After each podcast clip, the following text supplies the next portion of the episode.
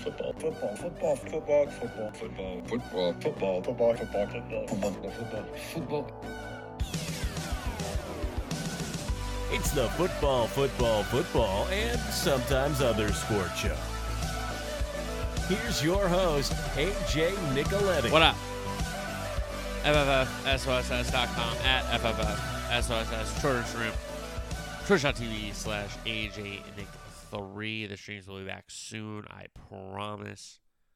I still kind of want to play Pro Clubs online and stream it for FIFA, but I don't think that would be a good idea. but I still kind of want to do it. But twitch.tv slash AJ Nick 3, where the streams will be back for NFL, maybe some college football uh, watch alongs, but definitely NFL watch alongs, definitely uh, soccer watch alongs, especially as we head towards the World Cup, which is so, so, so exciting. So uh, that will be on the Twitch channel, twitch.tv slash 3. But this podcast, that's what you're concerned about, right? Because we know this one is, if you've been paying attention to the schedule, the college football season preview. We'll go through the AP top 25. I'll go through all 25 teams take a look at their schedule, tell you how many stars are coming back, tell you if their quarterback's coming back, what's the coaching situation, expect or expectations for a year one guy. It's quite different in Los Angeles than it is in Oklahoma, right? So, um, when you talk about the the link between the Sooners and the Trojans, that will be forever there because uh, Lincoln Riley took the quarterback and left town. so we'll get into all that in the season preview. I'll tell you who I think is going to win all the conferences, who will be in the playoff, and then who I think will be our national champion. So that's in our college football season preview. Then we'll look uh, turn over to footy, we'll do our weekend soccer recap, what a weekend it was in the EPL, uh, midweek soccer preview with um, Champions League beginning shortly. We'll look, take a look at the groups uh, in Champions League as well after the draw was uh, last week. So we'll do that, but we'll have a midweek soccer preview. And then we'll do soccer transfer rumors as the deadline nears. NFL headlines, FedEx Cup playoffs. How about Rory McIlroy? My guy, Rory McIlroy. I'm so happy for him. He's just so class. We'll talk about that. And then I will warn everyone, okay? But we're going to do House of the Dragon episode 2 reaction at the end of this pod. So if you're watching House of the Dragon and you haven't seen episodes 1 or 2 yet, Stop the pod when I tell you to. Otherwise, you will be spoiled. There are spoilers. So that's at the end. So if you're only listening to this pod for House of the Dragon reaction, you can fast forward. if you're not into the sports, that's fine. No worries. But if you are going to watch House of the Dragon, you haven't watched the episodes, I will tell you when to stop listening to the pod. Okay. So um, college football season preview, weekend soccer recap, midweek soccer preview, soccer transfer rumors, NFL headlines, FedEx Cup playoffs, House of the Dragon, episode two reaction, and more. The rest of our uh, schedule for football previews. Thursday's show will be college football week one preview and our NFL over under segment. Then the following Tuesday. Next Tuesday is the 6th of September, and that will be our NFL season preview. And then the following Thursday, September 8th, will be our NFL week one preview. So that is the schedule. And this is a big show. The college football season preview is a great. Uh, I love this show. I love doing this. I love having my little Marc Lawrence playbook right next to me here with all my notes um, the schedule and going through it. I, I love college football. I think everybody knows I love college football. Obviously, I love the NFL, but I love college basketball more than the NBA, no doubt about that. But college football and the NFL are very, very close for me. Very close. All right. Um, so let's kick it off with our college football season preview. And we start with the number one team in the land in the college football AP top 25 poll Nick Saban's Alabama Crimson Tide. Saban on a new deal, by the way. He got paid even more. He's got his quarterback back in Bryce Young, the Heisman Trophy winner. Will Anderson back on defense. I think he's maybe the best college football player in the country, pound for pound, position for position. Five back on the offense, including the quarterback. Seven back on a awesome Tide defense last year. But we know that yes, the starters matter for Bama and who's coming back, who's not. But they play in so many blowouts. So many of the twos and threes get meaningful snaps, um, and they're playing against each other in practice. So Alabama again doesn't rebuild; they reload. I know they lost the two receivers in Williams and Metchie, but they're going to have a bunch of kids coming up. We've just seen that year after year at that position. They just turn them out, all pros, wide receiver after wide receiver after wide receiver uh, for the Crimson Tide. And we know running backs, they have a bunch of them as well. So Bryce Young, an outstanding, outstanding, outstanding talent. The defense highlighted by Anderson. And this is a team where if they lose two games, they usually go undefeated the next year. And Utah State, they start the season off with. Then they go to Texas, the big trip to Austin and the Heat. I think they're fine there. UL Monroe, fine. Vanderbilt, I mean, they're going to be 4 0, obviously, going into this Arkansas game for my liking. And I think. I think it's like a first quarter test because I think Arkansas is going to be rocking. They're going to be fired up. But and it's a look ahead spot because they have A and M the next week, Bama. So that Arkansas could be an interesting spot to play like uh, Razorbacks like first half, but I probably wouldn't against Saban. I don't do that. But Arkansas, and then the revenge game against A and M in Tuscaloosa. Then they go to Knoxville the third Saturday in October, as is tradition. They'll come to Tuscaloosa next year. The Vols, Mississippi State at home at LSU, at Ole Miss, Austin Peay ahead of the Auburn game, the Iron Bowl. And I, I'll tell you this, the Arkansas A&M stretch is their hardest two games in a row. Um, they get A&M at home, which is big. They get Auburn at home, which even a, a bad Auburn team we know gets up for the Iron Bowl could spoil, especially in um, Bryant Denny. And also when they're in Auburn as well. So I take that back. But um, I say this: I think it's an unbeaten Crimson Tide team that goes into the playoff, and I'm say I'm trying to save my you know playoff picks for the end here. But I'll just tell you right now, this Bama team, Will Anderson is going to have 20 sacks. He's going to have some crazy number. He is NFL ready tomorrow, um, and he's back playing college football.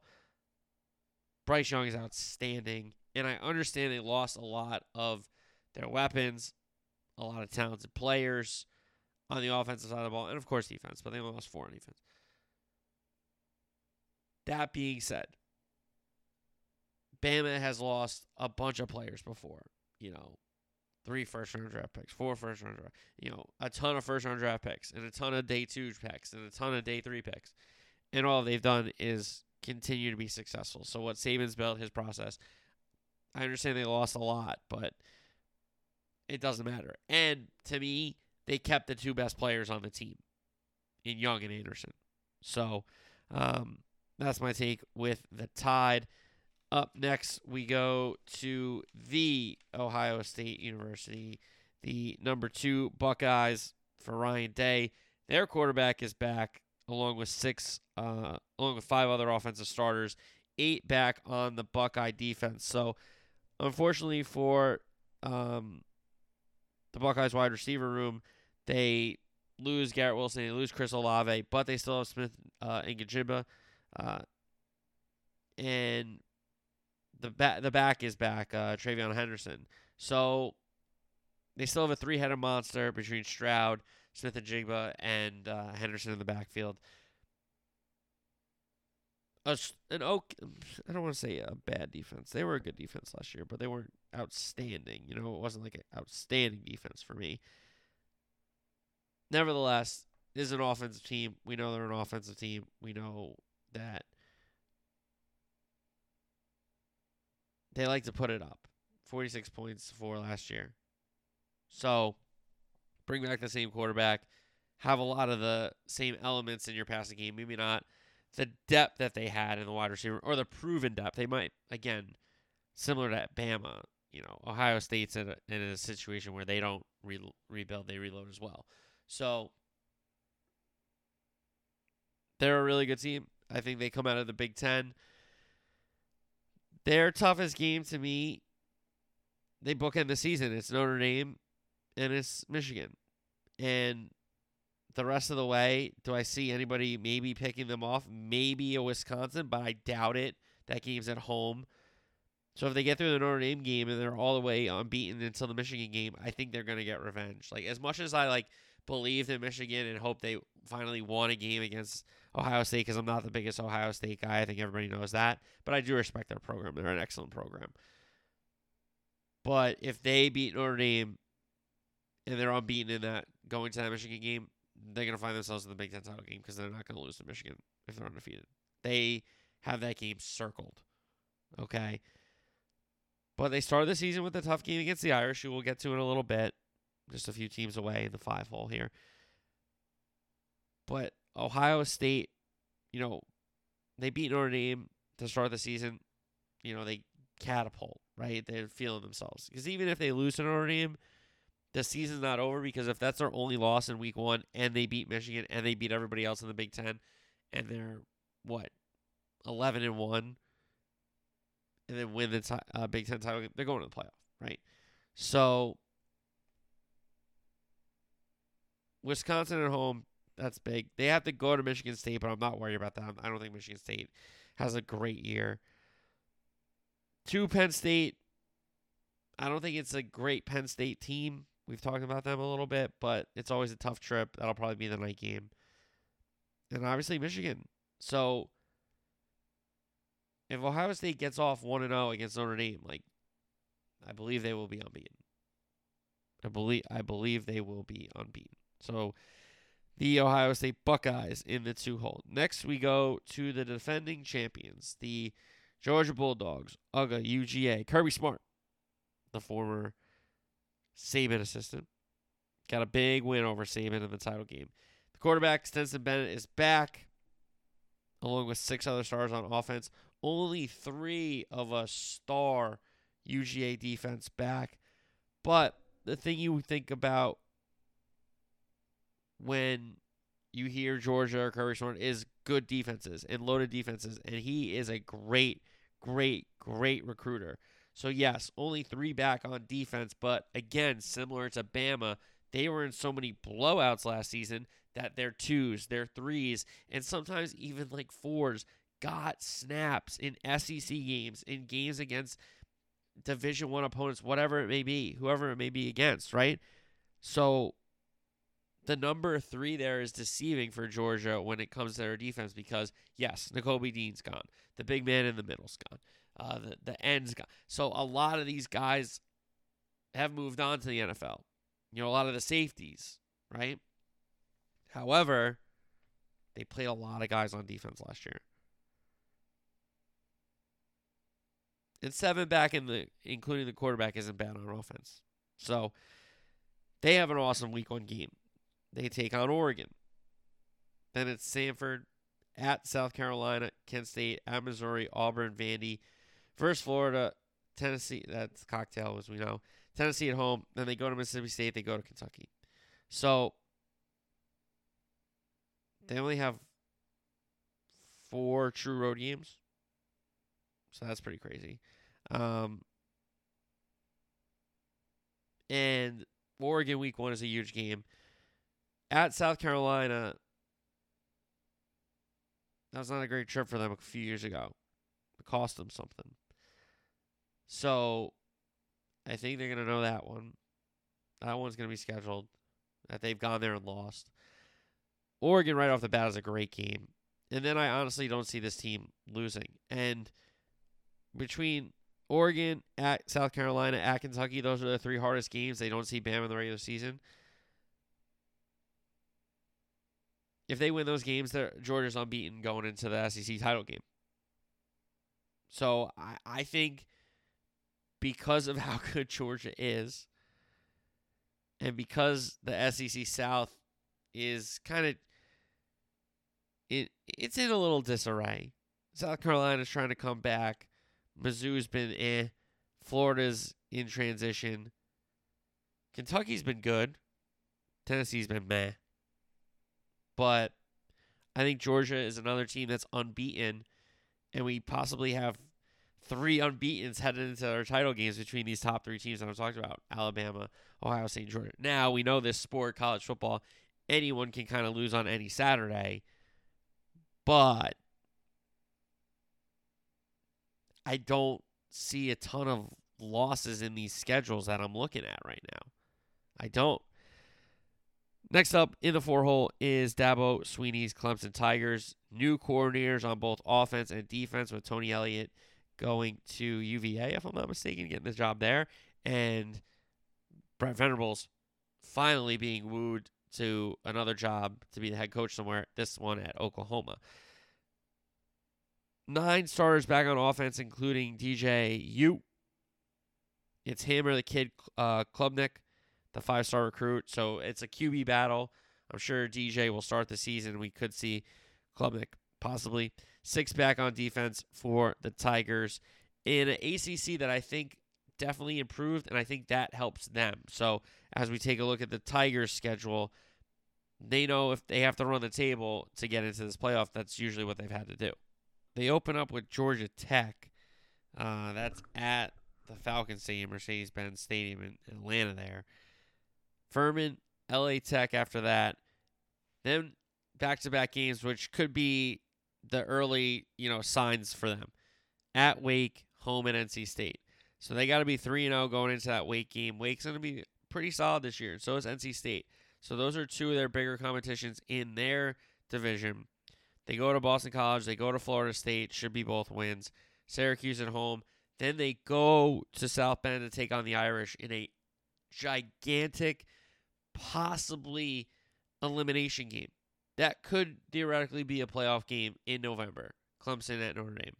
Yeah, sure, there's three or four games left for each team, maybe.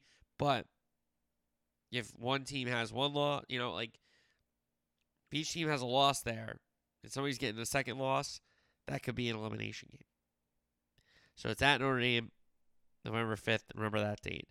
Home to Louisville, home against Miami, who's going to be uh, much better this year. And then they're home to maybe finally a South Carolina that can compete in this Dabo era because they have done really well against South Carolina recently. Um, one, let me count it here. Two, three, Mrs. Frances Ray, four, five, six. Oh, they didn't play him in 2020, right? I mean, seven in a row against South Carolina. That's not great. Radio, I'm sorry, or podcasting, but I had to count it out. Shout out Marc Lawrence. It's right here for you. Um, so I'll say this. I think Clemson benefits from a better ACC around them. And if they do lose a game to a Wake or NC State or to Notre Dame or something or like Miami, but just one game, I don't think it's looked on as poorly as it would have been last year. Because everyone was, you know, ACC's down. You know, Wake's fun, but they're not good. NC State's all right, but then, you know, but those teams are much better perceived this year coming into the season in my estimation of you know kind of viewing all these previews and listening to everybody talk about the season so i think yes it's possible that clemson can go unbeaten for sure however if they do pick up just one loss i don't think it's as detrimental as it could have been in uh in a year like last year if they were good enough you know so um and they did win a lot of games last year, but they win enough games. Like you could certainly say that. Um, ten and three isn't bad, but they were not ACC champions for the first time in a while. All right, so Clemson there in the four hole. Then we go. We just mentioned Notre Dame. Let's talk about them again. The Notre Dame Fighting Irish, whose schedule in year one of Marcus Freeman. I don't envy him at all. Uh, Buchner named the starter.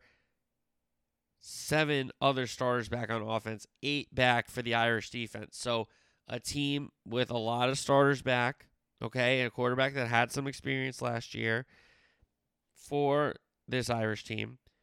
You know they open at Ohio State. You know they host Clemson later in the year, but what's the rest of the schedule? Well, it's kind of difficult. Um, at Ohio State opener, Marshall and Cal at home should take care of those for sure. At North Carolina isn't as easy as it used to be. BYU is gonna they're gonna play that game in Vegas. Notre Dame against BYU. So that's pretty crazy. But point being, BYU is pretty good. So that's not an easy game. They get Stanford at home. They get UNLV home. So not bad games there. They should win those games. At Syracuse. Then the Clemson game. Then they take on Navy in Baltimore, Boston College at home, and then they end the season at USC. When the game is in Notre Dame, it's in like October. When it's at USC, it's USC Senior Day, if I'm not mistaken. So that's a hell of a schedule. At Ohio State, BYU neutral site, Clemson, and at USC. Those four games are your four games of the season for Notre Dame.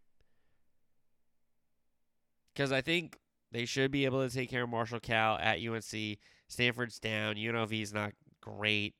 Um, Syracuse is maybe building something we don't know. Navy kind of spun spinning the tires a little bit. Same kind of thing with Boston College, but Ohio State, BYU, Clemson, and USC.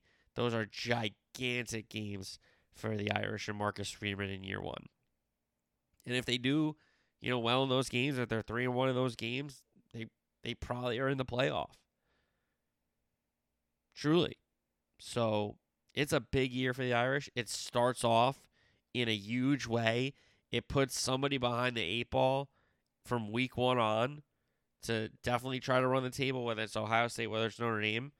Um, because two losses most of the time eliminates you from this thing that they call the 14 playoff.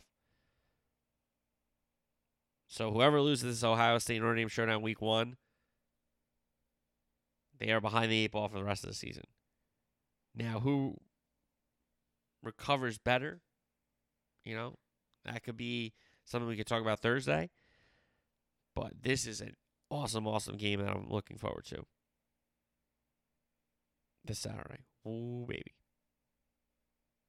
Ooh, baby. So, Notre Dame, fifth in the country. Those four games that I'm highlighting at Ohio State versus BYU neutral site in Vegas, Clemson at home in LA to take on USC. Those are some awesome, awesome, awesome football games. Um, and the Irish, if they want to be where they w- want to be with that program, they're going to have to win a lot of them because it's a tough season.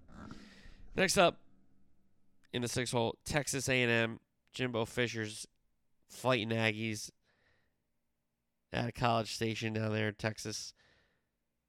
Seven back on offense, including one other starter is going to be uh, King or Johnson there. Five back on the Aggie defense. Not a great season, but they had a huge win last year, as we know. Um, that win against Bama, but losses to Arkansas, losses to Mississippi State, they lost to Mississippi, and then they lost to LSU. Like those are games you think they're gonna win. A lot of them, you know. But this is a big year for A&M. Ranked sixth, you know, third choice in the SEC so far because of Bama and Georgia, and they should be. That's fair. But at a conference, Sam Houston and Appalachian State to start should be 2 0. You get Miami to come into you. That's a big game. Miami could be pretty good, and hopefully you're both unbeaten and you get some eyeballs on that game. Arkansas at Jerry World is a gigantic game. They go to Mississippi State, they go to Bama, they go to South Carolina. That three game stretch is a huge stretch. Then they take on Ole Miss at home, Florida at home. They go to Auburn, should be fine. UMass at home, LSU. So, really, for me, the games from the end of September to the end of October there, because Florida, I think, is down. LSU is down for me.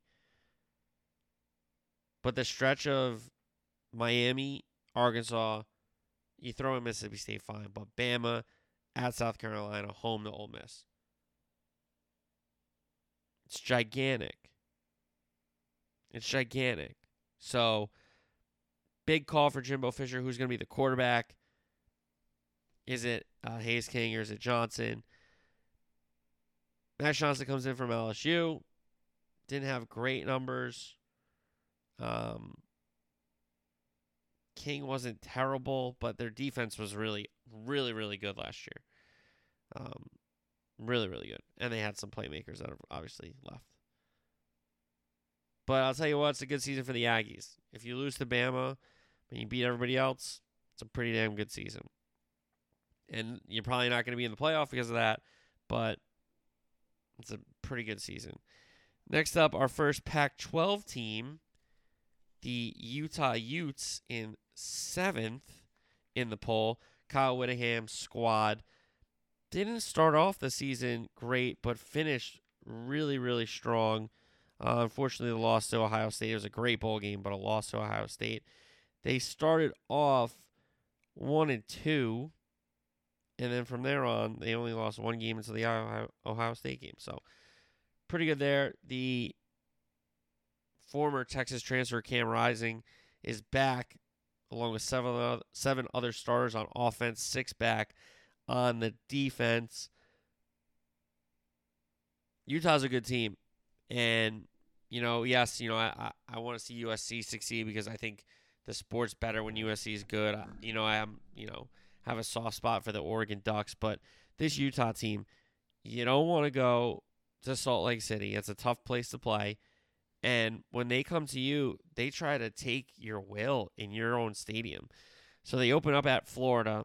I think they'll win that game. And then Southern Utah win, San Diego State win, Arizona State win, Oregon State win.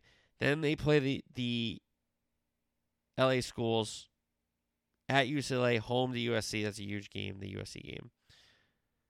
At Washington State, Arizona, Stanford, at Oregon, at Colorado. The USC game, circle your calendar, calendar. The Oregon game, circle your calendar.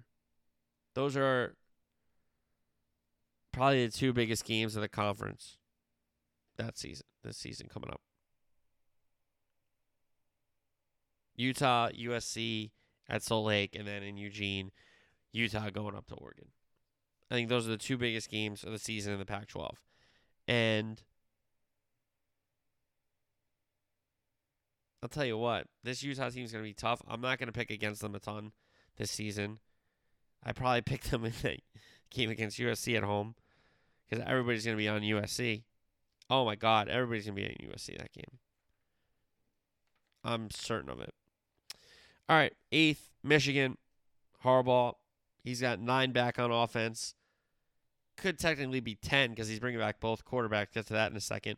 Only four back on the defense. They got to replace pretty much the whole pass rush was Hutchinson and Ojabo. But I trust that Harbaugh's been able to recruit. They got the ninth rated class coming in, so I know it doesn't help right away, but it's still a pretty big deal. All right, um, it's weird because Harbaugh's already announced that um, McNamara is going to play the Colorado State game and McCarthy's going to play the Hawaii game, and they're going to decide who the starter is ahead of the Connecticut game before they get into Big Ten play. So that's what Harbaugh has decided. Um, I don't know. I think it's an interesting strategy to kind of just believe in your team that much that you can just change quarterbacks in the first two weeks of the season and you're just going to win these games kind of handedly and see what happens. I don't know. But hey, credit to Harbaugh for believing in his guys and sticking to if they're both um, competing that he's going to give them each a game to try to win it out, win the job. So they lost a lot of guys, but they have some of the um, running backs back, which is big. Colorado State, Hawaii, we mentioned Connecticut, we mentioned. Then when they host Maryland, they go to Iowa, which is a big test. Um, at Indiana, Penn State, Michigan State, at Rutgers, Nebraska at home, Illinois at home, at Ohio State. I'll tell you this: this Michigan team, if they're for real, they should be undefeated going into that Ohio State game. I think a lot of these teams are are mediocre slash down in the Big Ten, and the hard, the hardest game of their season is at Ohio State, and I think their whole season is building to that. And there's no, yeah, at Iowa is a big game because you know going there is tough, but they get Penn State at home, they get Michigan State at home. Those are revenge spots, uh, especially the Michigan State game, obviously. But at Ohio State is what matters. And I think their whole season's building up to that. I think we're going to have a few undefeated teams late into the season. And maybe this thing gets decided in unbeaten clashes in um, Michigan, Ohio State, or uh, Alabama, Georgia, in the SEC title game, you know? So hopefully that's kind of the game and season we get. But Michigan in the eight hole, a light start to the season, not the dip, most difficult stretch of games, and then Ohio State to end it. So we know how important that um, that game is to college football. Next up, we have the Oklahoma Sooners, ninth in the AP poll. It's Brent Venables' first year as a head coach. It's the Oklahoma's first hire outside the Sooner program since 1999, which is a big deal, as we know.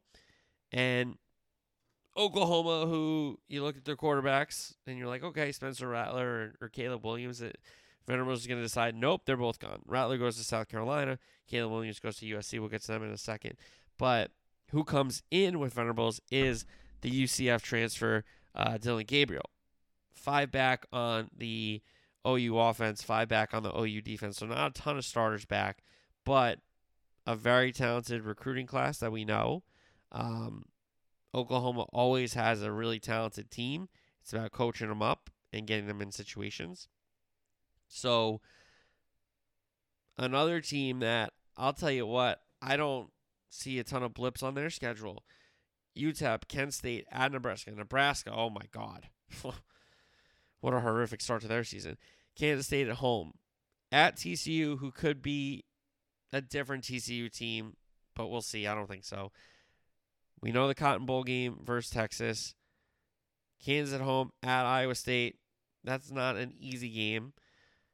Baylor at home at West Virginia. Oklahoma State at home at Texas Tech. So I think they're unbeaten until the Texas game. I think they win that game. And then Baylor at home, Oklahoma State at home, two out of the last four weeks there. I think they get all their big games neutral site or home. And that matters for me. And I think the Sooners, even though a lot of turmoil, a lot of changes, a lot of things going on in uh, Norman, I think Venables can coach his butt off, and it's his kind of job now. It's his regime. He's the head guy. He's not like the number two guy anymore. I'm excited to see what they do. And I'll tell you what, it's not the most, it's not the deepest the Big 12's ever been, for sure. But we have another Big 12 team here at 10. Dave Aranda's Baylor Bears, the Big 12 champs last year. And I, I think they're all right, but I don't know how many steps forward Baylor can take. Okay. Um, six back, including the quarterback on offense, um, six back on the Baylor defense. Albany at BYU, I think they lose that game. BYU is a really good team. Texas State at Iowa State's a tough trip. Oklahoma State at home, that was a great Big 12 championship game last year. They go to Morgantown. They got Kansas at home. They go to Lubbock. They go to Oklahoma. Kansas State at home. TCU at home. They go to Texas. I don't see this Baylor team going 12 and 2 again. Um, I don't. I really don't see that. Um, they certainly can lose to Oklahoma State again. They can certainly lose to Oklahoma. Um, but I think Dave Aranda can coach, and I don't know how many years he's going to be a Baylor, but he's doing pretty well so far. He's doing pretty well so far, so give him credit. All right, next up in the 11 hole is the Oregon Ducks, and we'll get a little quicker as we get out of the uh, top 10 here for sure, for sure. Oregon, Dan Lanning, the first year, he's the former D coordinator for Kirby Smart and the UGA Bulldogs. Cristobal went to the U, back to his alma mater. For Oregon, eight back, maybe seven back because Bo Nix is coming in, so they have the the asterisk here in Marc Lawrence's book. I think he's wrong because Bo Nix is transferring in. Seven back on defense, which is big. Um, their season gets started off with Georgia, and they're probably going to lose that game, which means they most likely have to run the table. What's good for Oregon in the regular season, they don't see USC, and they get Utah at home. Um, going to Washington State is not a tough trip. Going to Arizona is kind of an annoying trip. Um, and they have to go to their rival, Oregon State, in um, Oh, you can't say that anymore. Sorry. I don't. What do they call it now? The Battle of Oregon or something? Probably can't say that. Sorry. I don't know what to call that game anymore. Um, I don't want to get in trouble. So, Oregon to me, very very good team. It's gonna be tough to start off 0 1 when you take on Georgia in Atlanta. That's a home game for them. Um, I'll tell you what, Bo Nix is gonna feel all right in that game. Um, he beat a he beat a uh, an Oregon team in that building, playing for an SEC school in Auburn his first start. So Dan Lanning year one, Bo Nix transferring in, a lot happening in Eugene. I think they can be a really good team. I think they can win the Pac-12, but I think Utah and USC might have better chances this year and maybe it's just Utah because USC will get to them in what a couple teams, but it, it's year one for them. I think everybody's got to calm down a touch, just a touch. We're talking about USC, but we'll get there. All right. Um, so Oregon, a good like a good season is Pac-12 title game, you know, and that's certainly uh, uh, doable. That's certainly certainly doable for the Oregon Ducks. All right. Um, back to the Sooner State for Mike Gundy's Oklahoma State Cowboys. Seven back on offense, including the quarterback Sanders. Only four back on the Cowboy defense, who historically have been the weak point of the Gundy program. The defense was pretty good last year. They bring in Derek Mason to coach the defense after he got um, let go at Vandy. They're going to miss a lot of guys. Um, six of their top eight tacklers, which is that's tough to replace. But um, we've seen that Oklahoma State can coach them up. Gundy has a really good staff. We know that. So uh, that is the story with Oklahoma State and their schedule: Central Michigan, Arizona State at home, Arkansas Pine Bluff all at home there. And isn't that the team that they lost to a couple years ago? Where's that? Was that them? They lost to Central Michigan. Am I going crazy here? No, I got it. Here, 2016, they lost to Central Michigan. So they owe them one. How about that? Um, at Baylor, huge game. Home at Texas Tech, at TCU, home at Texas, at Kansas State, at Kansas, Iowa State, at home, at Oklahoma, West Virginia. So it's a doable schedule, especially with Sanders coming back as the quarterback. But um, the Baylor game is tough going there.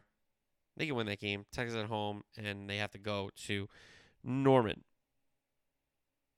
All right. Um, in the 13 holes, NC State, Doeren's Wolf Pack brings back seven stars on offense, including the quarterback Leary, and 10 starters back on defense. So a lot of last year's 9 and 3 team is back. We'll know about this team early. Yeah, at East Carolina, Charleston Southern Tech at home coming in Texas Tech. That's a good game. They go to Clemson uh, after a home game against Connecticut, at uh, home against Florida State, at Cuse, home Virginia Tech, home Wake. That's a big one. Home Boston College, at Louisville, at UNC to finish the season. I'll tell you what, I think this is an NC State team that's going to prop up this conference. Um, I think they lose against Clemson, and they probably lose either the Wake game or somewhere else along the line. But I think this NC State team is going to help a team like Clemson or whoever comes out of the ACC for their um, playoff hopes. Because I think NC State is going to be a good team that you beat. They're going to give you some points. All right. Next up is the USC Trojans. Year one, Lincoln Riley. He brings Caleb Williams in from Oklahoma with him. They scored in the transfer portal and they have seven stars coming back on offense, only three back on defense, but it's not a big deal. They got a lot of talent coming in on that defense. So, an unfortunate couple seasons now, three, you know, two out of four for sure. The 2025 and one. I mean, they played six games. I, don't really consider that much, you know. But nevertheless, Rice at home at Stanford, Fresno State. Fresno State's good. That could be a, a high scoring game. At Oregon State, Arizona State, Washington State, those home. At Utah, at Arizona, Cal at home, Colorado at home, at UCLA, home against Notre Dame. Fresno State early on is a good test. Obviously, at Utah, I mentioned before when we were talking about uh, Kyle Whittingham's Utes. And then to end the season with Notre Dame, gigantic. Now, they avoid playing Oregon in the regular season, which I think is big. But I don't want to. Hmm, how do I put this? I don't want to put that all the expectations on USC this year. I don't think it's kind of unfair to them because it is year one and so many things changed. I think next year is the big year for USC, especially because Utah has a lot of got you know has big expectations for them. So I think USC is going to have a lot of eyeballs because it is the brand of LA there. But I don't know if it's fair for this season. That being said, if they get through the Fresno State game and they get to Utah undefeated and beat Utah, then fight on. Uh, everything is going to be, everybody's going to be coming after them. But they pick up that loss against Utah. They lose to Notre Dame to end the year. You know, two losses isn't the worst for a first year coach at a new place. With so many changes, whether that be transfers, whether that be coaches. How about the idea that they're going to the Big Ten soon? So I think USC was going to have a good year. I, I would temper expectations a touch, but I think they're going to have a good season. 15 is Michigan State, Mel Tucker. I, I don't love Michigan State. I, I talked about it last year. Um, Thorne doesn't wow me as a quarterback. Uh, four other stars back on offense, including him.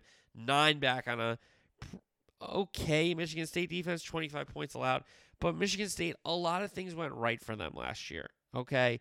Um, you know, they win a game. They came back in some games that they didn't have rights to come back into. Um, they won some close ones that should have gone the other way.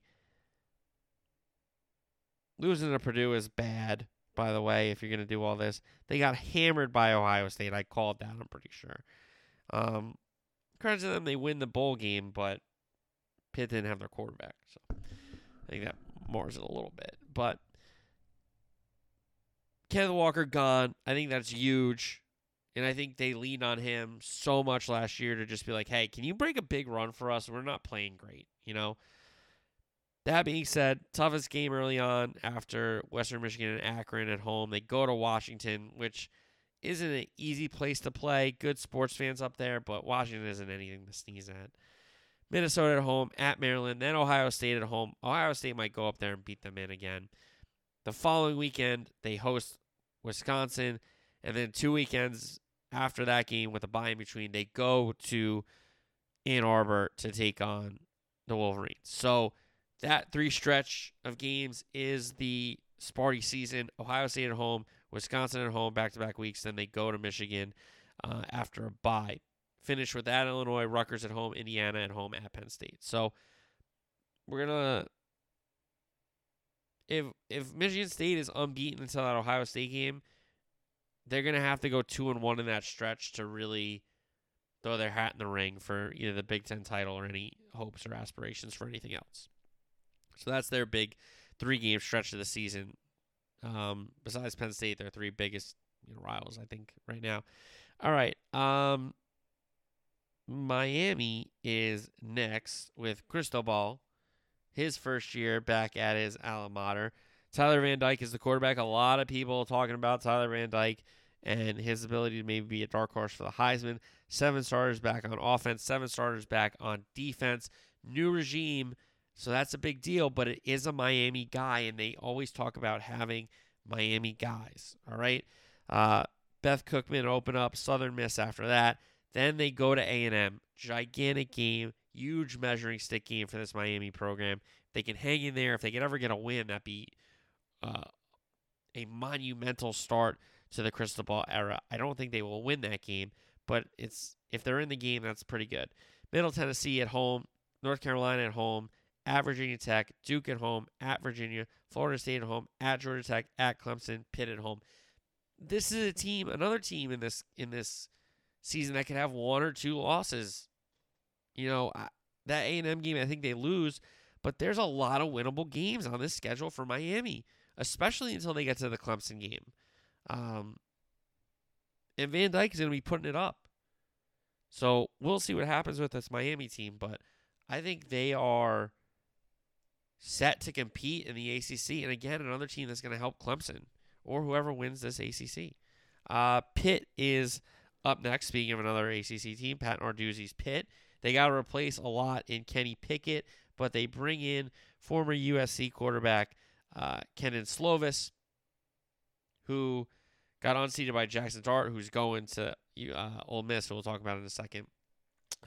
Nine back for the Pittsburgh Panthers on offense, seven back on defense. So they lose the quarterback, but they bring in a guy who has some experience at this level, and they have a lot of guys coming back. Starts with the backyard brawl, them against West Virginia, a game that should really happen every season. Um, a great game. Then it's at Tennessee, uh, home against Tennessee. So two big games to start the Pitt campaign. At Western Michigan, home against Rhode Island, home against Georgia Tech, home against Virginia Tech, at Louisville, at UNC, Houston home, at Virginia, Duke at home, at Miami. So I'd say West Virginia, Tennessee to start the season, and at Miami are their three toughest games. And in between should be a lot of wins. So we'll see where that puts this Narduzzi Pitt Panther team. Uh, we just talked a lot about Wisconsin. Let's talk about the Wisconsin Badgers. Paul Chryst, Wisconsin Badgers, coming in at 18 in the top 25.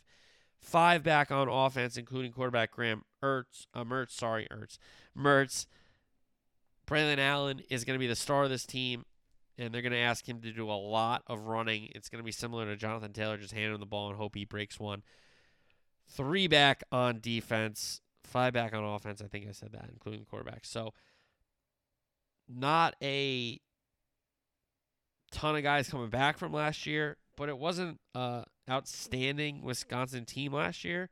Nine and four, started one and three, and they really went on that run after that and played some really really good um, football. So credit to them after losses to Penn State, Notre Dame, and Michigan early in the season. After that, they really put it together. Give them credit. And I think they have a team that will always compete and will always fight to get in that Big Ten title game.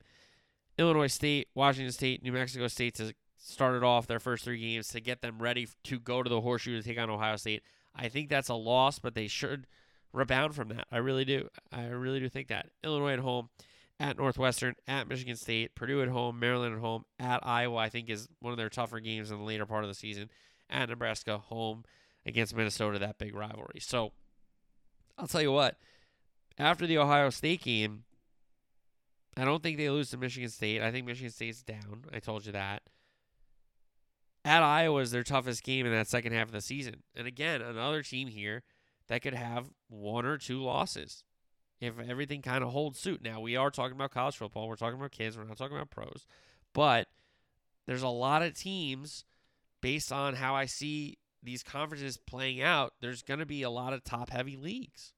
So let's see how it shit plays out. Back to the SEC for 19 in Arkansas. It's Sam Pittman year three already. Seven back on offense, including quarterback uh, Jefferson, and four back on defense, that Razorback defense. Nine and four last year. Some big, big wins. Uh, to beat Texas was a big deal. To beat A&M was a big deal. They got shellacked by Georgia after everyone was believing in them. That's fine. They lost to Ole Miss uh, by one. That was a tough loss. They lost to Auburn, but then they rebounded. They beat Mississippi State. They beat LSU. Uh, they lose to Bama, obviously, but they beat uh, Missouri there to end their SEC schedule. I think it's a solid team. I think it's a team that's going to win a bunch of games. They start off with Cincinnati. I think it's a team. Uh, a game that either team can win, but I'm going to lean with Arkansas just because Cincinnati is going to be breaking in a new quarterback with Ridder going to the NFL. South Carolina is a tough game. So I think right away this Arkansas team is tested. Um, with these two games. Then they kind of settle in with Missouri State. Then it's the game at Jerry World against A&M. Then they take on Bama. So I think it's just a lot to start a season. Uh, but I do think they finish strong after that Bama game. It's at Mississippi State, at BYU, which is a tough game, but I think they should handle BYU. At Auburn, Liberty at home, LSU at home, Ole Miss at home, at Missouri. So after the BYU game, I think their toughest stretch is A&M, Bama, Mississippi State, at BYU. Yes, the start of the season with Cincinnati and South Carolina isn't anything to sneeze at for sure, but that middle stretch is tough, and I think if they survive that, they're going to be on a little bit of a winning streak headed into bowl season. So um, that should count for something in, in my book. All right. Stay in the SEC with Kentucky at 20. Uh, Mark Stoops' crew down there in Lexington. Six back on offense, uh, five back on defense. Levis is going to be um, the quarterback again, coming back after he was a Penn State transfer. Pretty good season last year for him. Pretty good season for the Cats, going 10 and 3 uh, to match that 2018 year. I'll tell you what, this is another team that I think can win a lot of games. I think is a team that can win a lot of games. Um, open up with Miami, Ohio. They go to Florida, Youngstown State at home, Northern Illinois at home, at Ole Miss, South Carolina at home, Mississippi, uh, Mississippi State at home, at Tennessee, at Missouri, Vandy at home, Georgia at home, Louisville at home. At Florida right away there, we're going to know about that. Go to Ole Miss, could be a fun trip. South Carolina at home, big game. Uh, they got to go to Tennessee. They lost to Tennessee last year. They beat them the year before. They lost to them in 2019. They lost to them in 2018. So that's a big rivalry there, Kentucky and Tennessee. And obviously, I think they do lose to Georgia towards the end of the season, but I do think they beat Louisville. All right. Um, speaking of Ole Miss, we got three SEC teams in a row there Kentucky, uh, Arkansas, Kentucky, and Ole Miss, 19, 20, 21. Ole Miss, Lane Kiffin has to replace Matt Corral. He brings in Jackson Dart, the USC transfer. Five back on the Ole Miss offense, seven back on the Ole Miss defense. A defense that gave up a lot of points in a lot of spots, to be fair. Troy, Sun, Central Arkansas at Georgia Tech, Tulsa. They should be 4 0 headed into that Kentucky game. That's going to be a really good game. At Vandy after that game, Auburn at home, at LSU, at A&M, Bama, at Arkansas, Mississippi State to finish the season. So at A&M, Bama at home, at Arkansas. That is a tough three game stretch to um, towards the end of the season there. They do have a bye between that A&M and Bama game, which is big. You, you really don't want to play them back to back. That would be unfortunate um, scheduling. But Jackson Dart comes in. Big, big spot for him. Big spot for the transfer uh, to come into that offense. You got to produce. You got to produce. We know that. Dave Clawson's Wake Forest Demon Deacons at 22. Seven back, including Hartman for that great uh, Deacon offense. Seven back on defense. So a, a lot of that 11 and 3 team is back for Dave Clawson, who take on VMI. They go to Vandy, Liberty at home, and then a, a wake up call against Clemson, which I think they will lose, but who knows. At Florida State, Army at home, which is a tough game. We know getting ready for the triple option is not easy. Boston College at home. They go to Louisville. They go to NC State. We talked about that game with NC State. Carolina at home. Syracuse at home. At Duke. So another team that I think will help the ACC because they probably lose the Clemson game, but they might win the NC State game, and I think they win a lot of other games. Cincinnati, who lost a ton of guys of that playoff team, and you know, give them credit. They got to the playoff. Uh, they got uh, annihilated. You know, they only scored six points, but give credit to Luke Fickell getting his uh, team into the playoff. Eight back on offense, five back on defense for the Bearcats, who of course lose Sauce at a corner there, and the other corner. At Arkansas, they open up with Kennesaw State versus Miami, Ohio, Indiana at home, at Tulsa, USF, SMU, at UCLA, UCF, Navy, East Carolina, at Temple, Tulane. So this again, if they get through that at a conference, they should be uh, good enough to rep the uh, AAC, especially if they're not playing Houston. That's kind of weird. Speaking of Houston, they're next in our poll here at 24, as we're, we're almost done here. If you're like, oh my God, Asia, you're killing me, you're just doing schedules. Hey, this is how we preview the season, bro. Houston, Tune is back. Seven, uh, six other offensive starters, six back on defense for Dana Holgorsen. At UTSA, at Tech, Kansas at home, Rice at home, Tulane at home, at Memphis, at Navy, USF, at SMU, Temple at home, at ECU, Tulsa at home. So they take on Tech. It's not a difficult schedule for Houston at all um, in that conference. And then we get to BYU at 25, who BYU is going to have a say in this thing because they play Oregon, they play Notre Dame, they play Arkansas. Uh, so BYU is going to have a say in this thing. They open up at USF. They are home to Baylor. They go to Oregon. Uh, they're home to Wyoming. They're home to Utah State. They take on Notre Dame in uh, Vegas. Home against Arkansas at Liberty. ECU at home at Boise, Dixie State, who the hell is Dixie State? And then they end the season at Stanford. Um, Sitake's already in his seventh season, eight back on offense for BYU, including the quarterback Hall. The full defensive starters, all 11 starters are back for uh, BYU. That's pretty crazy, man. That's that's really really good. So a lot of talent back for that BYU squad. That's why I think a lot of people are very high on them, and as they should be, as they should be. All right, uh, Power Five picks. I think Bama beats Georgia in the SEC title game. I think both teams will be undefeated. I mentioned that. Ohio State's going to beat Wisconsin in the Big Ten title game. Clemson's going to beat Miami in the ACC title game. I think Oklahoma beats Oklahoma State in a Big 12 title game, and then the Pac-12 title game. I think. Did I ha- I wrote down USC beats Oregon after I said all that? I'm changing that to Utah beats Oregon. Utah beats Oregon in the Pac-12 title game. So teams that I think can make the playoff: Bama, Georgia, A&M out of the SEC, Ohio State and Michigan out of the Big Ten, Clemson out of the ACC, Notre Dame independent, Utah, USC out of the Pac-12. I don't think Oregon could. They could technically, but I don't think they will. And then Oklahoma, to me, is the only team that can come out of the Big 12 unless Texas beats Alabama and goes undefeated. Like I don't think that's happening for Sark, unfortunately. So my college football playoff picks: Bama, Ohio State, Georgia, Clemson. I think Clemson gets in with uh, the ACC being helped on this year. My natty is Alabama beating Ohio State. I told you that I really liked Bama last week when we did over unders. I told you earlier in this pod that I think Bama goes undefeated.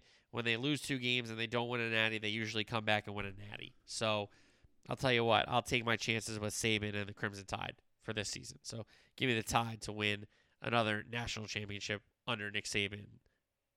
Quick uh, week zero talk before we get into a weekend soccer recap. North uh, Nebraska, what are you guys doing? Scott Frost, what are you doing? Up double digits onside kicking to invite Northwestern back in the game. A game Northwestern would end up winning. So hey, good for Pat Fitzgerald, man. Coaching as uh, Adam on. All right, we can start a recap. EPL, Southampton, Man U, Man U trying to you know follow up a really good performance at home against Liverpool at Old Trafford on Monday with a uh, road performance at St. Mary's, and they only got one goal, but that's all they needed. They kept a clean sheet, strongly defended, and it was a Dalot cross to Bruno Fernandes, cutback, really good finish by Bruno. Uh, so United win, and they take another uh, another three points. So good for them. Liverpool needed a result at Anfield, needed a response, needed a win, and boy did they get one 9 0 over uh, promoted Bournemouth. Luis Diaz started it with a header. Harvey Elliott had a really good finish with his left foot.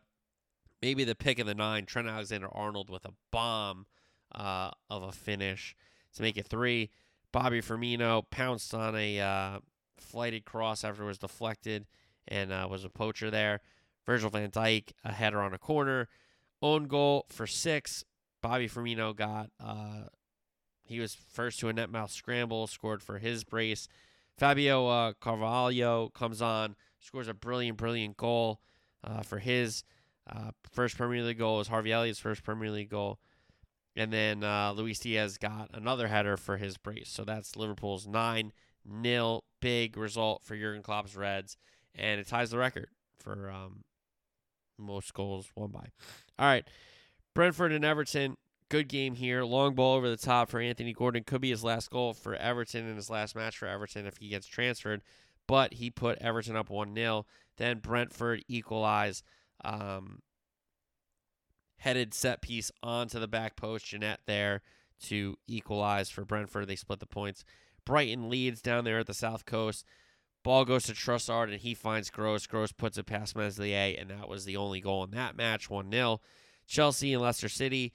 Chelsea win it 2 1 despite Conor Gallagher getting sent off after two yellow card uh, fouls. Both of them yellow cards. He should have been sent off. I don't know what he's doing but he put his team down to 10 men in a scoreless game. But it was Raheem Sterling, an absolutely spectacular floated um, shot to the back post to put Chelsea up 1 0. Then it seemed like he got a Man City goal with a tap in at the far post.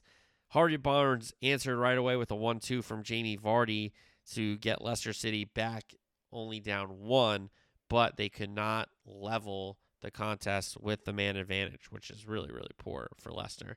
City and Crystal Palace next. City win at 4 2. They were down 2 0 after an own goal turned in by John Stones on a Crystal Palace set piece.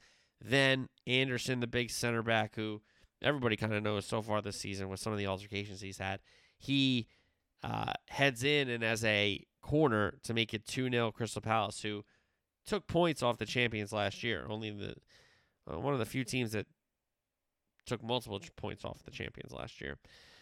Anyway, so City were down 2 0 at home. Bernardo Silva started the comeback with a really good individual goal to cut in and have a good shot on net. Then it was the Erling Haaland show. Ball falls to Phil Foden, crosses it in. Haaland first one to pounce. Brilliant cross, brilliant finish. So then they're on level terms. Then Ball played into the box. John Stones looks like he's trying to shoot it, but it scuffs right to Haaland at the back post, taps in to make it 3 2 City. Then play going the other way. Haaland has a beat on the center back that's covering him on the ball side to the inside. Gundogan lays it forward, strength shown by Erling Haaland, and then he finishes brilliantly to make it 4 2. So City get the points. Arsenal Fulham. Arsenal, big day of the Emirates. They were fired up. Three wins from three. Everybody was feeling it. A London derby, and Mitrovic almost crashed the party. He takes it right off Gabriel to give Fulham a 1 0 lead. Fulham had never won at Arsenal. There's a Martin Odegaard goal that canceled the Mitrovic goal, a deflected goal, but a captain's goal nonetheless. Took it upon himself as the ball was played to him to shoot it and score. And then from villain to hero, Gabriel at the back post after uh, Saliba, or actually it was the front post. My apologies because the corner came in from that side. At the near post after Saliba and um, Leno, the former Arsenal keeper, bumped into each other a little bit there. Ball fell for Gabriel. He scores from villain to hero. Arsenal get the points again. So four wins from four for the Arsenal. Villa and West Ham at Villa Park and it looked like Steven Gerrard's side got it wrong again because it was West Ham scoring Fornals um, the winner, and that's a big goal for West Ham to get their first win. Wolves Newcastle finished 1 1. Ruben Neves, an absolute beauty of a strike, was only equalized in the 90th minute by a brilliant goal from uh, St. Maximin. So, two really good goals in that 1 1 contest. Then the last game of match day Nottingham Forest and Tottenham Tottenham win it 2 0, a Harry Kane brace. Uh, found him on the first one. Good finish past Henderson. And then second one, really good ball from Richarlison. But Kane was wide open, and Henderson had no chance to stop it. All right, La Liga. Barcelona beat Valladolid 4 0. Lewandowski brace. Pedri scored. Sergio Roberto scored. Espanyol and Real Madrid. Real Madrid win at 3 1. Uh, Vinicius goal, and then a Benzema brace. The goals for Real Madrid. Then Valencia and Atletico on Monday. Griezmann the goal scorer in Atletico's 1 0 victory. Serie A, Lazio, Inter. Inter uh, Lazio win it, sorry, 3 1. Uh, Felipe Anderson, Lautaro Martinez, and Luis Alberto, the goal scorers. Um, and Pedro, sorry. Felipe Anderson, Albert, Luis Alberto, and Pedro the goal scorers for Lazio. Lautaro Martinez the goal scorer for Inter in Lazio's 3 1 win. There we go. Juve and Roma drew 1 1. Vlahovic, a great, great set piece goal.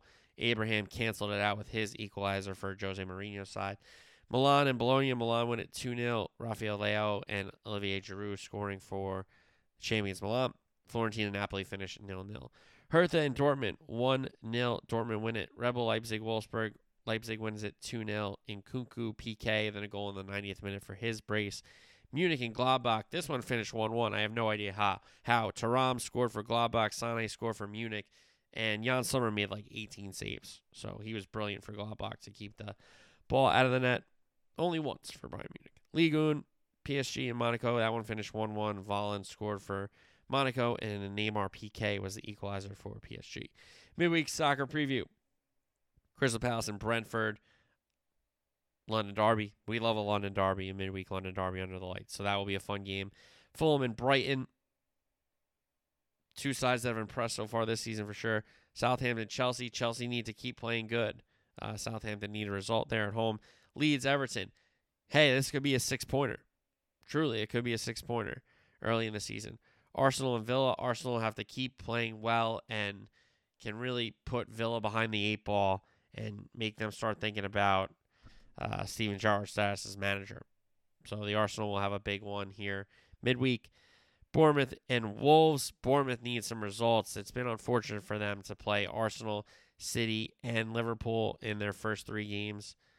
Uh, three of the four games, I should say, of the season. Unfortunate of the schedule makers there, but now you got opportunities to make up some points. So they're going to try their best. Next, we have Man City and Forest. This could get ugly. Um, no offense to Forest, but City are on a roll and really, really good. And they score goals, and it doesn't matter if they're down 2 0. It does not matter at all. Um, then we have West Ham, Tottenham, another proper London derby. Tottenham's been really, really good this season.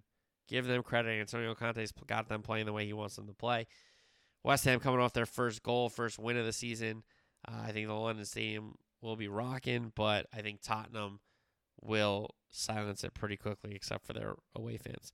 Then we get Liverpool and Newcastle at Anfield. Gigantic game. Uh, Liverpool have to continue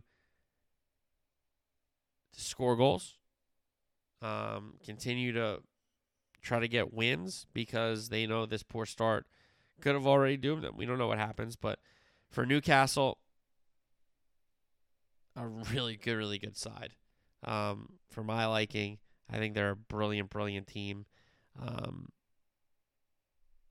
have already shown that they can get some good results. Have already shown they can do it a couple different ways.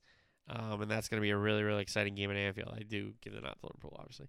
Serie A, Sassuolo, AC Milan, Inter, Cremonese, Roma, Monza, Juve, Spezia Calcio, Napoli, Lecce, and then League Un, Togliasso hosts PSG. U- Champions League groups uh, with that coming up soon.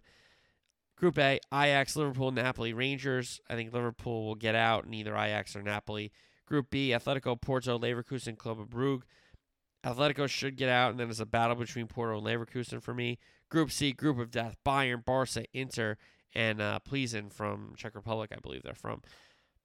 Group of Death, anything can really happen there. I think Bayern will get out, and it will be a battle between Barca and Inter. Group D, Tottenham, Frankfurt, Sporting, Marseille. Tottenham should get out of this group, but I think it's up for grabs in Group D. I think they can finish first. I think they can finish second, but I do think it is certainly up for grabs in this one. Group E, Milan, Chelsea, Salzburg, Zagreb. Not a bad group here. Salzburg could give you a game, but Milan and Chelsea should come out of there. Group F, Real Madrid, the champions, Red Bull Leipzig, Shakhtar Donetsk, and Celtic. Shakhtar Donetsk can pick it up, but they're always in Real Madrid's group. Nice to see Celtic and Rangers in Champions League. That's pretty cool. Red Bull Leipzig should get out of this group, but Real Madrid we know is going to win that group. City in Group G, Sevilla, Dortmund, and Copenhagen, along with Pep Guardiola's City.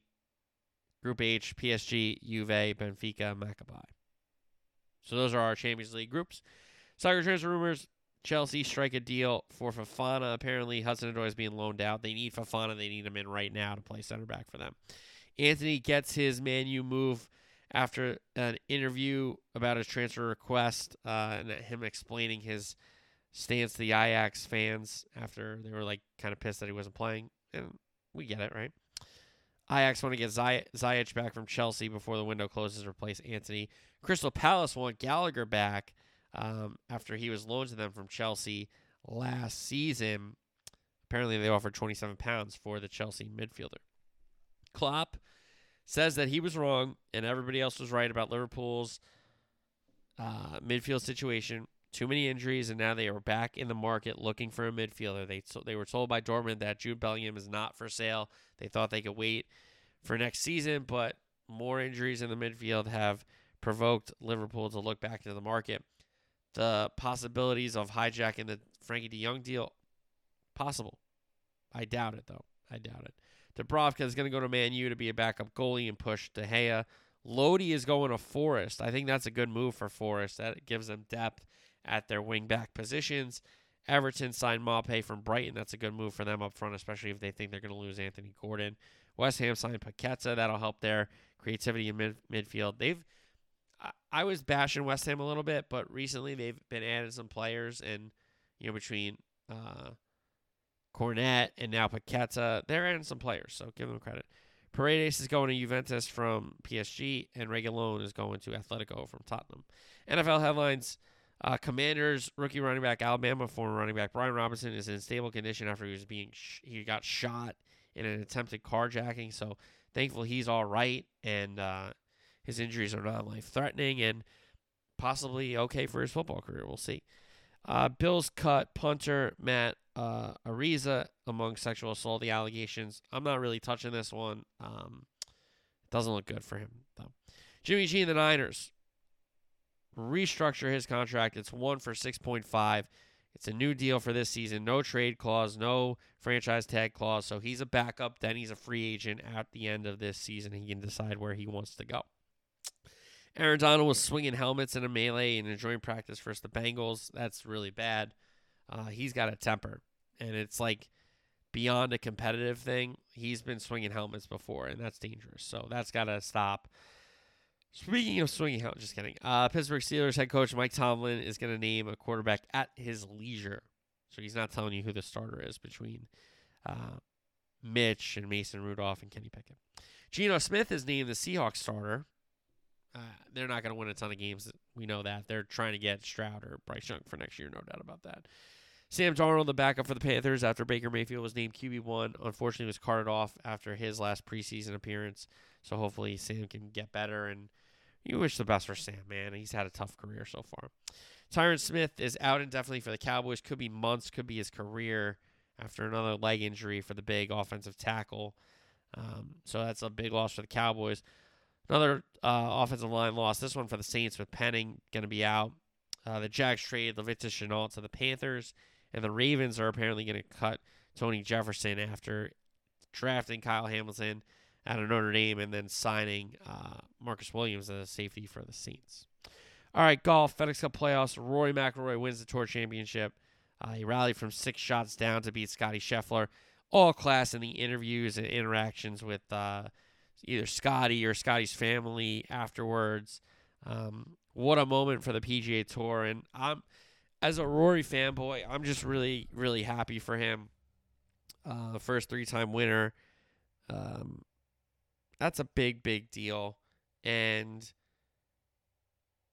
for the season he's had with the close calls he's had in these major championships and being right there especially the Open Championship. I mean, he was right, right there um, at St. Andrews. But I'm really, really happy for him. He's taken on a lot of responsibility to be a voice for the tour this year with a great, like, as a great player with Tiger not being there and being injured so much. Him and Tiger also took it upon themselves to make their own venture to help the PGA Tour, which was really smart. But I'm just really, really happy for Rory my number two guy behind Tiger Woods, and him him and Speed kind of battle out for two. But Rory, with what he's done this year for the tour, is is he's my guy. I love Rory McIlroy. So so so so happy for him and congratulations to him. So all right, that wraps up the sports. So we're gonna talk about House of Dragon episode two. So if you haven't seen it, if you're gonna watch episodes one and episodes two and you haven't seen them yet, shut the pot off right now. Spoilers, spoilers, spoilers, spoilers, spoilers, spoilers. All right, House of Dragon episode two. This was a classic Thrones episode, uh, and how I know that is I see people calling it slow, and I see people saying it's too fast, and that's how I know it's a classic episode. Okay, right off the bat, the fact that we get the music back and a new intro. Uh, I watched a couple Reddit videos and YouTube videos of uh, analyzing the new intro. It's about the bloodline of the Targaryens. I thought it was really, really cool. And I love to hear that music. Everyone knows I love that music. So we are already six months from episode one. Okay. The crab feeder is making moves in the stepstones. And um, Corlys Valar- Velaryon, one of his ships, is actually taken. So he comes into the small council meeting. He's pissed. He wants to combat the um, the crab feeders in uh, the stepstones. And he also mentions that Daemon is in Dragonstone, by the way. Now, when they're talking about these issues, Rhaenyra interjects as the cupbearer. And she's kind of just supposed to be there, not even really listening. But not only is she listening, she interjects. And she says, Why don't they send dragons? And the small council you know, looks at the king, looks at the hand, looks at each other, looks back at Rhaenyra. They're like, what the hell? She's talking, right? So then they kind of patronize her, saying that they need a new Kingsguard member. So they take her to Kingsguard tryouts. Um, and she picks uh, Cole Christian. Christian Cole, I don't, I forget what is it, Cole Christian or Christian Cole, whoever it is, Sir Christian. So Sir Christian Cole, yes. She picks Cole. Uh, Otto kind of again kind of patronizes her about, well, you know, these other houses and these knights, they're it's important for these guys to be Kingsguard because the connections to their house. And she goes, Yeah, but they haven't been in combat yet, so I'm gonna take him. Which I, I like that. I like her. So then we get another Alicent and um, King Viserys scene with the Valyrian model. Uh, he asks her not to tell Rhaenyra about their meetings, and he breaks the dragon model. And you know they're kind of she's being very nice, but she's it's genuine, but she's turned up the flirting for sure, for sure, for sure.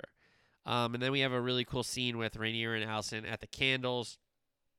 And it kind of seems like um, Alicent's gaslighting her a little bit, but uh, it was cool to see Rhaenyra show that emotion and, and development of six months down the line. She's still not, you know, grieved fully, and she doesn't get how her father isn't talking to her. They're not talking about stuff. So uh, Alicent playing a really major role here already. So then we have a conversation with Corlys and Rhaenyra and the king about marrying again, and not only marrying again, but marrying their 12 year old daughter, Le- which is kind of weird.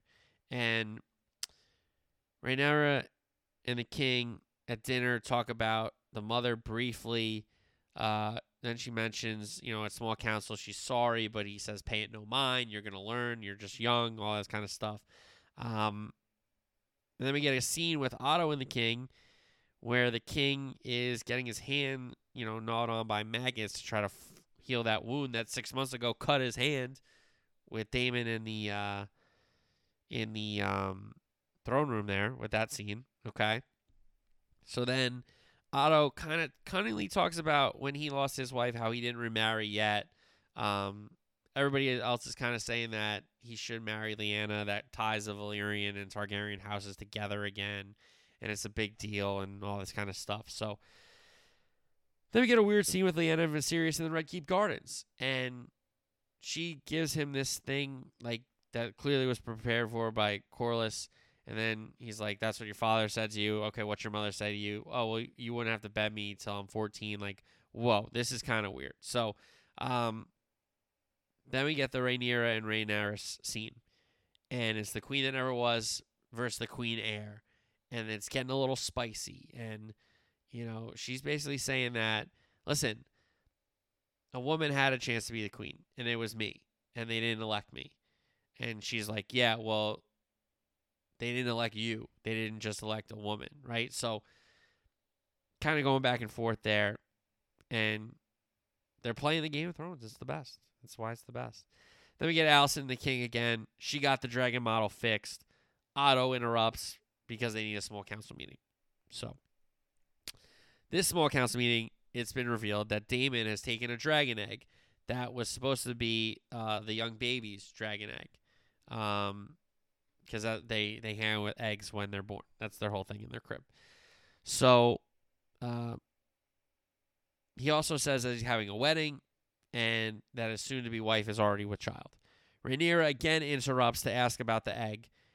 Um, the king makes a call. He's going to go to Dragonstone himself, but Otto is like, "No, I can't let you do that, my king. I- will do it." So Otto and Alicent have a scene. Uh, him getting ready to go to Dragonstone. Will you go see the king tonight? Weird.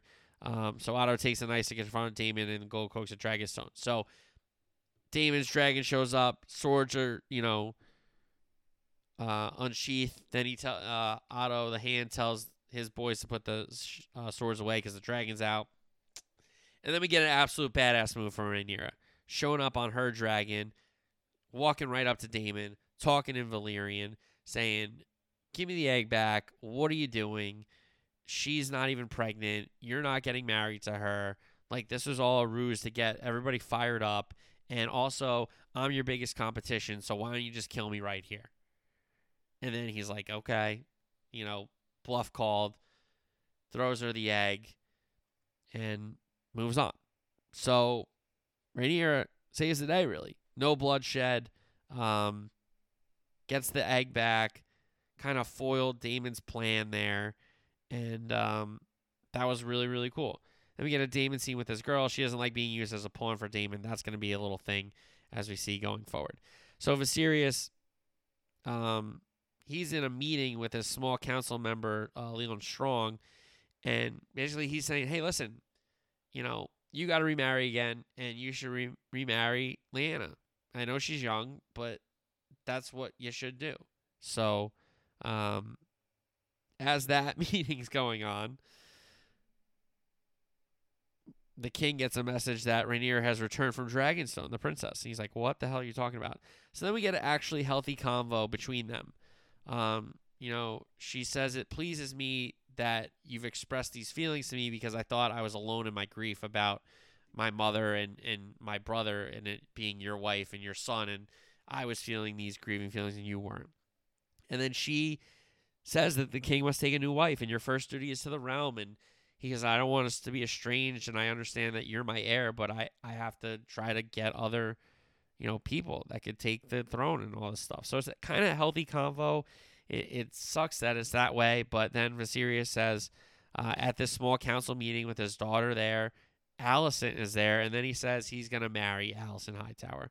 So Corlys is pissed. He stands up and leaves because it would have been his daughter instead of Alicent Hightower. Rhaenyra storms out, and then we have to end it a Corlys and Daemon convo where Corlys basically says, "Hey, if you want to prove yourself, you help me quash squash this crab feeder in the stepstones, right? And then that shows that you can do something, right? Um, but Corlys oversteps, insults the king, and then Daemon makes it known that only he can do that. So I saw this on Reddit. I thought it was a great comment. In one move, the king ruined his relationship with his daughter, ruined his relationship with her best friend, and took the most powerful house and sided it with Daemon. so what an episode two! I thought it was classic Thrones. I, I, they, yes, they're addressing these things like childbirth in episode one, and this idea of you know marrying and remarrying and connecting houses and it being young women like that's a thing that happened. Yeah, it's probably bad, and it is bad, but those are things that happen. We can portray things that happened. So all these haters, shut up and don't watch. If you don't like the intro, don't watch. If you don't like the characters, don't watch. It's really simple. Don't watch. So, all right, that is our House of the Dragon episode two reaction. That is our college football season preview show, and hopefully you enjoyed it. We will preview week one on Thursday's show. We will have our NFL over under on Thursday as well. Recap midweek soccer, look ahead to weekend soccer, all that and more on Thursday. I'll talk to you guys then. Until then, peace.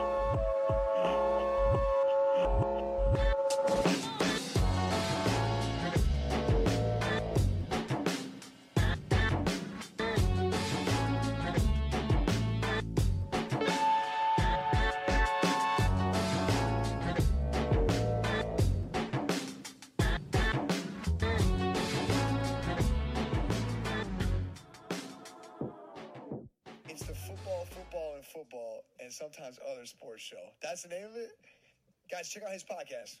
That sounds like my kind of podcast. Football, football, football, and sometimes other sports show. Sounds like me.